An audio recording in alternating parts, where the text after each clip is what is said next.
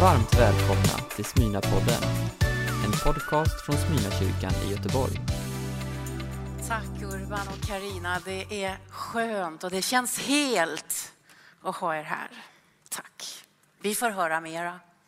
Och det handlar om kärlek idag.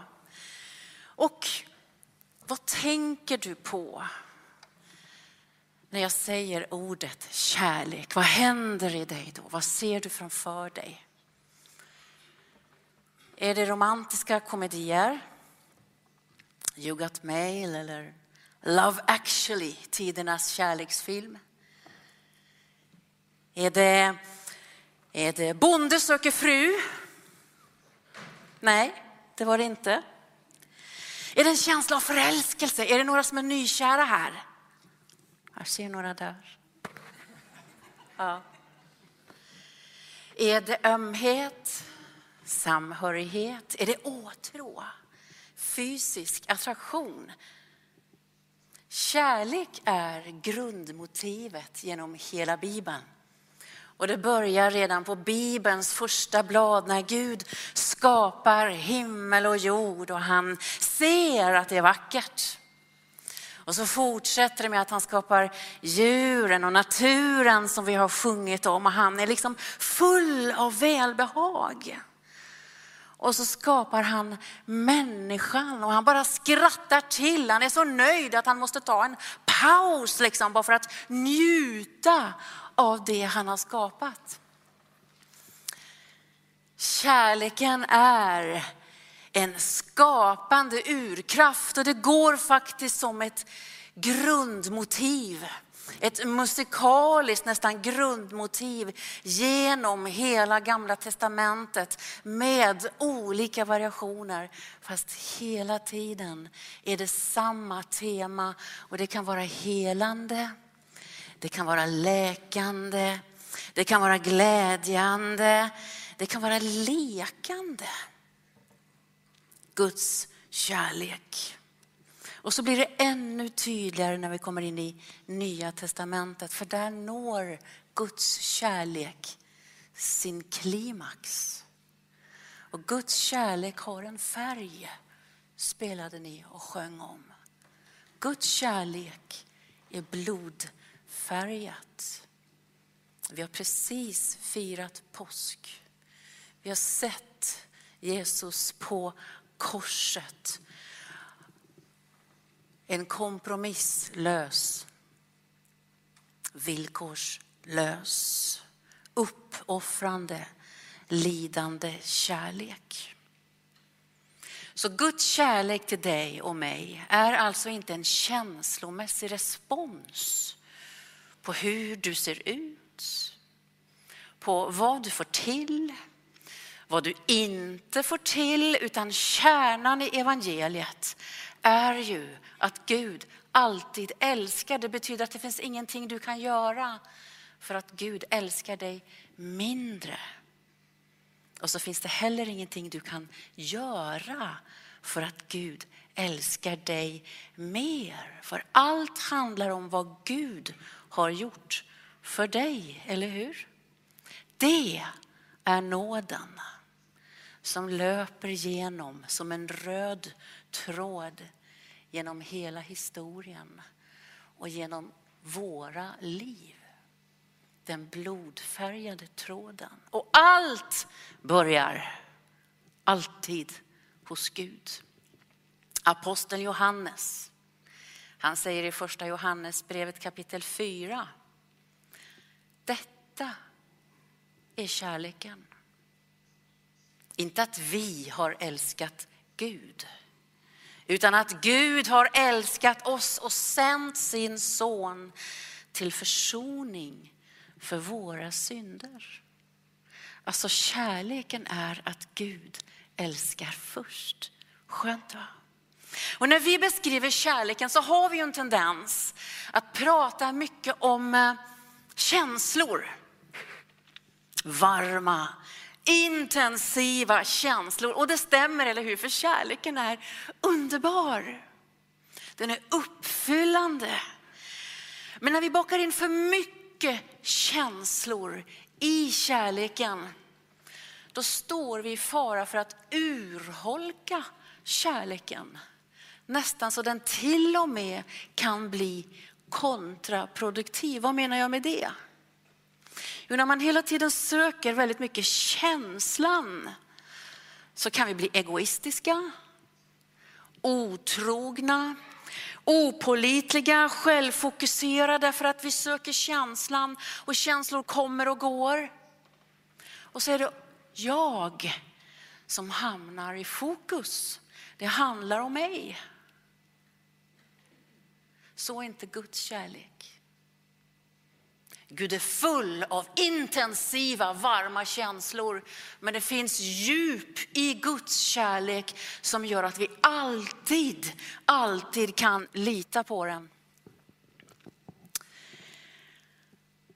Vi ska läsa första Korintierbrevet 13 för där står en otroligt fin beskrivning av kärleken som vi ofta använder när vi viger unga par. Men den är ju inte skrivit till kärlekspar. Den är skrivit till församlingen. Och jag läser bara verserna 4 till 7. Kärleken är tålmodig och god. Kärleken är inte stridslystan, inte skrytsam, inte uppblåst. Den är inte utmanande, inte självisk. Den brusar inte upp, vill ingen något ont. Den finner inte sin glädje i orätten, men gläds med sanningen. Allt bär den, allt tror den, allt hoppas den, allt uthärdar den. Det är ju förvånansvärt lite känslor här. va? Var tog de vägen? Och så är det förvånansvärt mycket som handlar om helt andra saker. Du vet, karaktär, beslutsamhet, osjälviskhet, trofasthet och viljan att kämpa och hålla ut. Då tänker jag att när vi pratar om att växa i kärlek så måste det handla rätt mycket om att växa i karaktär, eller hur? Och när vi växer i karaktär så händer nämligen någonting rätt så oväntat. Och det är ju att känslorna hamnar lättare på plats när karaktären får sin naturliga del i kärleken. Och Jesus har visat oss sin kärlek på ett grovhugget kors. Den kärleken kostade. Kostade ingenting för oss som tar emot den kärleken, men den kostade allt för han som gav kärleken. Då undrar jag, är din kärlek redo att betala ett pris? Är min kärlek redo att älska någon när det kostar? När man inte får någonting tillbaka, när känslorna inte är på topp. Det är omöjligt för oss att växa som församling om vi älskar bara när det känns bra, när det passar bra, när vi orkar. För vi har en Gud som älskar när det kostar när det är krävande, när vi inte förtjänar det. Och det är väl just därför då som Jesu kärlek är full av helande och upprättelse för människor, för folk och nationer, för relationer och familjer. Och jag känner när jag läser om den kärleken, den vill jag växa i. Och frågan är då, hur växer jag i den?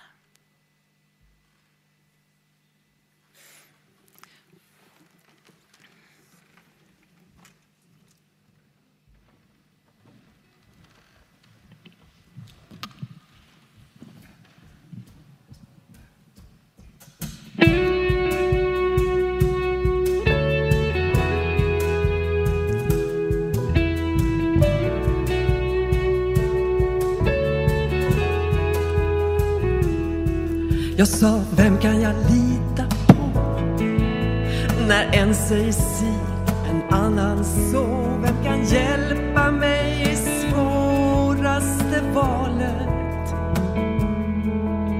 Och vad ska jag sätta först? Säg mig var blir vinsten störst? Vad sätter jag in Livskapital satsa på kärleken men sa aldrig var man finner den. Inte den sort som håller i längden. Någon sa, men sköt om dig själv ett tag. Lev bara för lust och välbehag. Men den stigen, den ledde längre bort från ljuset. Men då trängde en annan röst igenom bruset. Han sa, kom får jag ta din hand. Nu lämnar vi lera, grus och sand. Kom följ med mig, för ensam är inte stark. Här har du mitt hedersord, att grunden är redan gjord. Men högre upp på säkrare mark.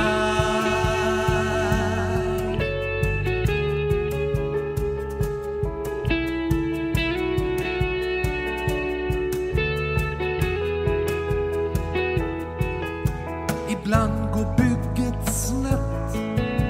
Vill gärna bygga på mitt eget sätt.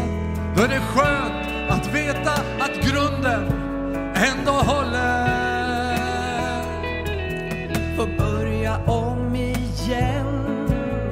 Och försöka att följa ritningen och veta att det gamla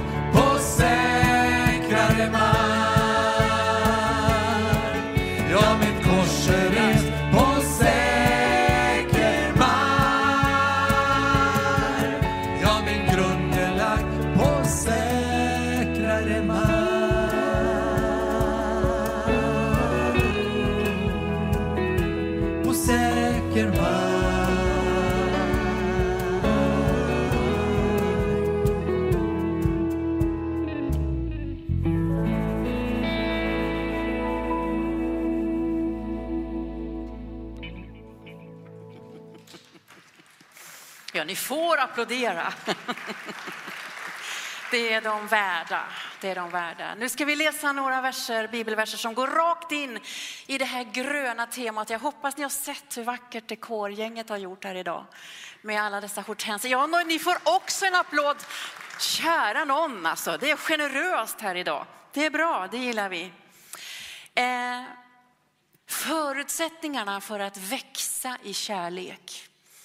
De ska vi läsa i Johannes kapitel 15, vers 4, 5 och 9. Och där står det så här.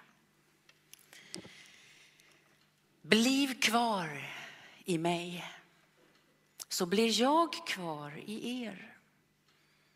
Jag är vinstocken, ni är grenarna. Om någon är kvar i mig och jag i honom bär han rik frukt. Utan mig kan ni ingenting göra. Så som Fadern har älskat mig har jag älskat er. Bli i min kärlek. Här finns alla verktyg och trädgårdstips vi överhuvudtaget behöver för att växa i kärlek för en god växtsäsong. För det är det vi riggar för hemma i våra trädgårdar nu, eller hur? Bliv kvar i mig, säger Jesus. Du vet att du i Kristus, det är din rättfärdighet. Det betyder att när Gud ser dig så ser han inte bara dina fel, dina brister, din synd, det du inte får till. Nej, för du är dolt i Kristus. När Gud ser dig så ser han att du är ren och du är rättfärdig. Du i Kristus är din rättfärdighet. Bli kvar i mig så blir jag kvar i er. Kristus i dig då. Det är din helgelse. Det var ju ett gammalt ord. Man vet knappt vad det betyder, men det är väldigt viktigt. Vi kommer inte förbi helgelsen om vi vill växa. Därför att helgelse är en process där vi förändras och förvandlas till allt större likhet med Jesus Kristus. Och det sker liksom bit för bit under det att vi umgås med honom. För vi umgås med honom lika naturligt som vi umgås med dem vi älskar. Och vi umgås med honom nu. I den här gudstjänsten, vi umgås med honom i bönen i lovsången, när vi läser bibelordet, när du är ute och springer ensam eller ute och kör bil eller diskar. Om ni förblir i mig och mina ord förblir i er. Ja, men Jesus han är ju ordet. Så att umgås med Jesus betyder att låta honom få impact, hans ord få impact och betydelse i våra liv. Och det är ju aldrig för att göra våra liv komplicerade, svåra. Tvärtom, det är för att hjälpa oss guida oss.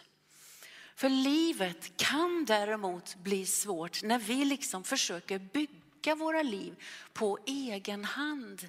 Kommer i konflikt med Gud, kommer i konflikt med hans ord, med hans vilja. Guds ord är alltid mycket säkrare mark än våra funderingar, antaganden, spekulationer. Guds ord och Guds kärlek är grunden för våra liv. För grunden är redan lagt. Och att vara, att förbli i den kärleken. Det är att låta trädgårdsmästaren ta fram allt han behöver. Även den här sekatören och beskära oss. Och jag vet inte, det är säkert jag kanske den sista i Göteborg som har beska, beskärit, beskurit, be, hur säger man beskurit? Tackar, tackar. Som har beskurit mina rosor. Några hade fått lite frostskador efter vintern. Och så vet du, är det bara ett klipp här och ett klipp där så kan rosen sätta fart igen liksom och förbereda sig för en säsong. Och det är inte det är både plantor och människor kan få frostskador när livet blir för kallt. Utmaningarna blir för stora, de dåliga mönstren blir för djupa. Ett klipp här och ett klipp där så kan vi sätta ny fart. Vad var det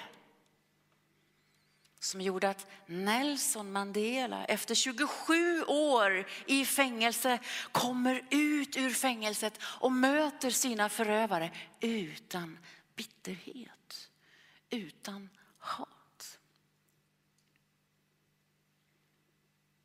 Han hade lång tid på sig och i fängelset var Gud framme med den här sekatören. Och den här påstridiga, stridslystna, kraftfulla Mandela, han lät sig ansas och beskäras av Gud själv under många år av andlig process. Så när han går ut ur fängelset då är det en andligt och själsligt rakryggad man som går ut. Och som president, det första han gör är att samla staben. Och det är ju människor som har hatat varandra och jagat varandra som plötsligt ska samarbeta. Då säger Mandela så här. Regnbågsnationen, ni kommer ihåg detta? Regnbågsnationen börjar här. Mellan oss. Försoningen börjar här. Prata om att låta sig ansas och utsätta sig för växt. Vad var det? När han ledde en hel nation som var mörk av hat, mörk av ondska till att bli ett ljus för världen. Vad var det? Jo, men det var Kristus i honom. Kristus i honom, då pratar man inte bara om Gud. Man pratar som Gud. För Gud har inte droppat ut sin kärlek i våra hjärtan. Det står att han har öst ut sin kärlek. Du har en inmonterad källa inom dig mitt i din stressade vardag. Full av djup kärlek. Det är Kristus i dig. Förfylld av anden pratar inte vi bara om Gud. Fylld av anden pratar vi som Gud. Och Guds språk är kärleken. Fylld av anden pratar vi som Gud. Och den kärleken är en bit av himmel redan här. Och redan nu.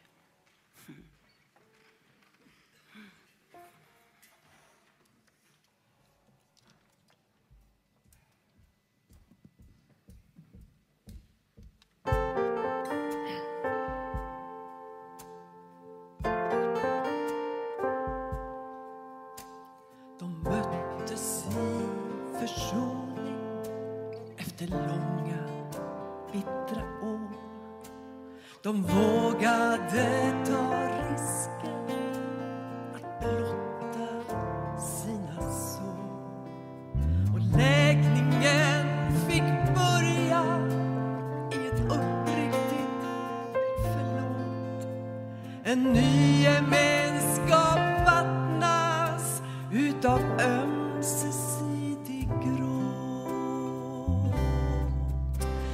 Ja, det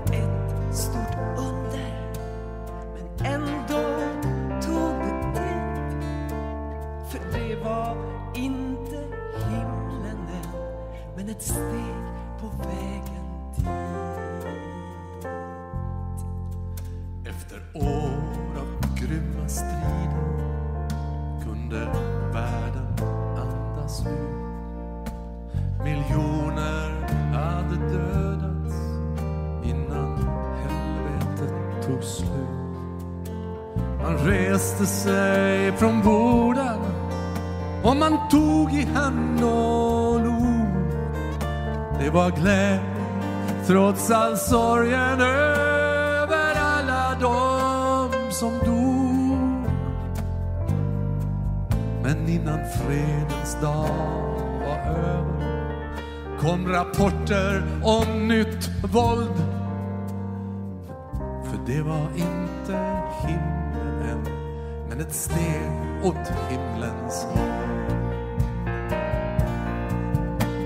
Vi sjöng vårt halleluja i en atmosfär av bön. Och glädjen den var äkta och gemenskapen var skön. Vi sa till varandra, det här är himmelen på jord. Men dagarna som följde fick vi ändra några ord. För fast himlen kändes nära. Allting under Guds kontroll. Så var det inte himlen än, men ett steg åt himlens håll. När inte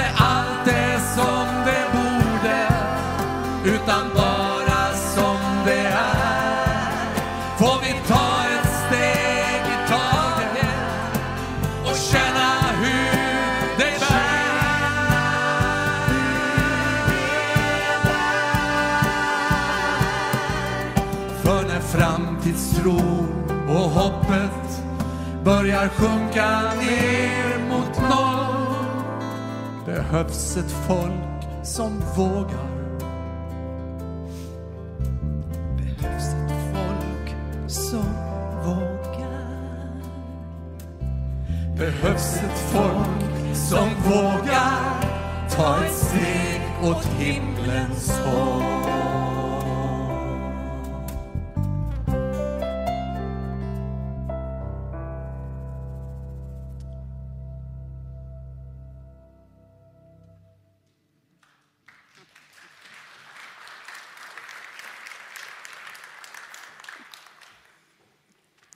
Precis när, eh, ja, bara någon dag efter att kriget i Ukraina bröt ut, så eh, fick jag en bild.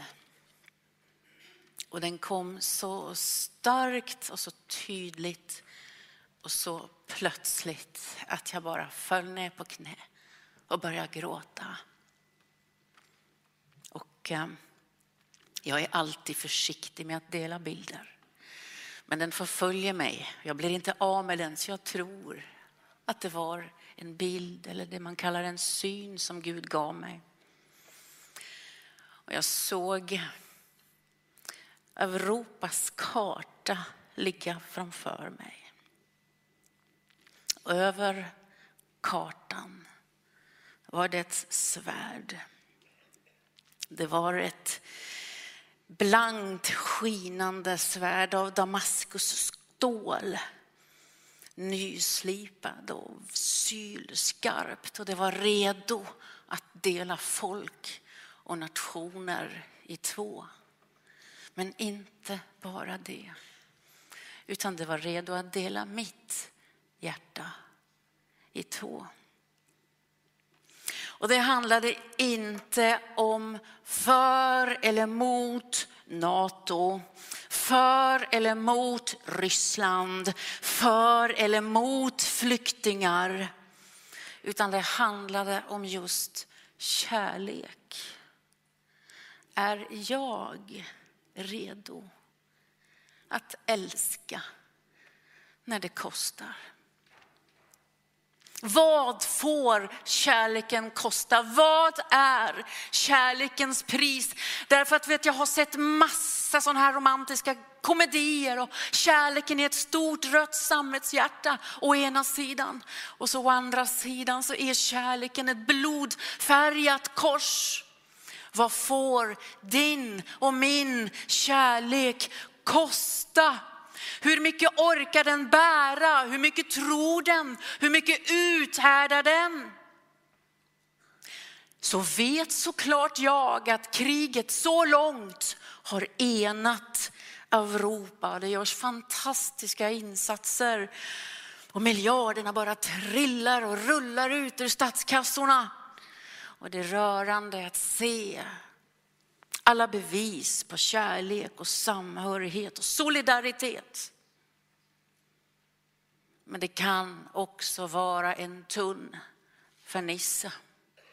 Därför att insikten växer om att kriget kan bli långt. Följderna för världsekonomin kan bli breda och katastrofalt djupa när sanktionerna mot Ryssland börjar kosta på riktigt, svida på riktigt. Jag såg vår kärlek provas som genom eld. När priserna på drivmedel inte går ner.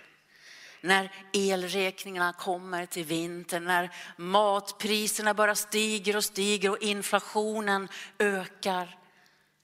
Vad får det kosta?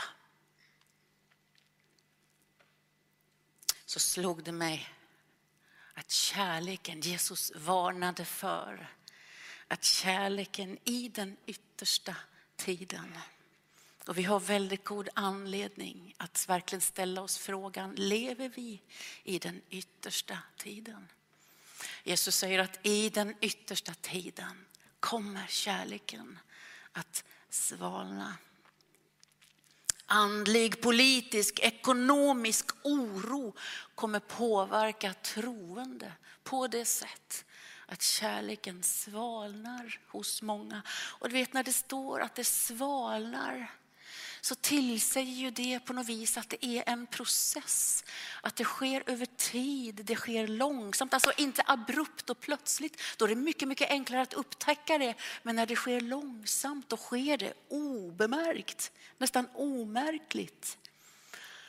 Och jag blir knäsvag. Därför att Jesus pratar inte om alla andra människor i allmänhet.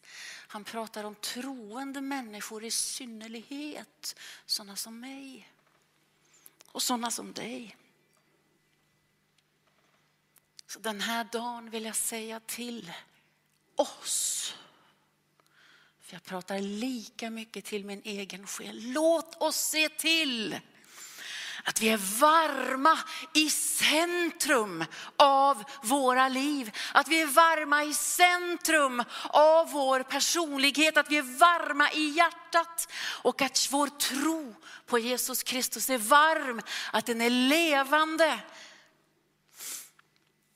Låt oss se till att vi är djupt planterade i hans kärlek. Därför att min kärlek kan inte förändra världen. Den kan göra lite gott ett stycke på vägen, men min kärlek kan aldrig förändra världen. Vår kärlek kan inte förvandla. Det är i hans kärlek och i andens kraft det är bara Guds kärlek och andens kraft som kan förvandla människor och nationer. Amen. Och djupast sett är varenda människa på jakt. På så många olika sätt är människan på jakt efter denna kärleken.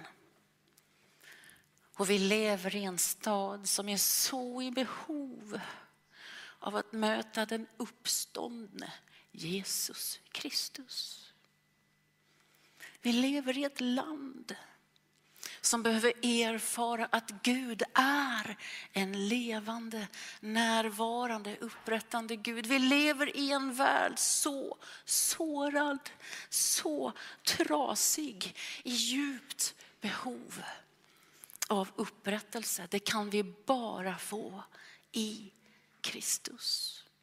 I Jesus Kristus. Jag säger idag för den här världens skull. Låt oss ta det här beslutet, det här viljebeslutet som det faktiskt är.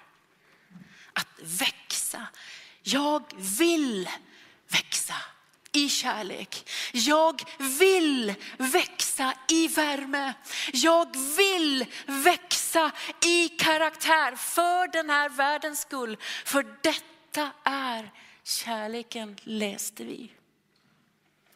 Inte att vi har älskat Gud, utan att han har älskat oss och sänt sin son till försoning för våra synder. Amen. Du har lyssnat på en predikan från Smyrnakyrkan i Göteborg. Hjärtligt välkommen att lyssna igen eller besöka Smyrnakyrkan.